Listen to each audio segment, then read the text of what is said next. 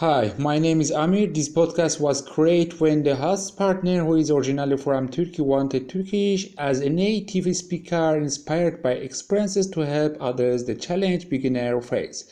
Let's get started without wasting time. Let's go.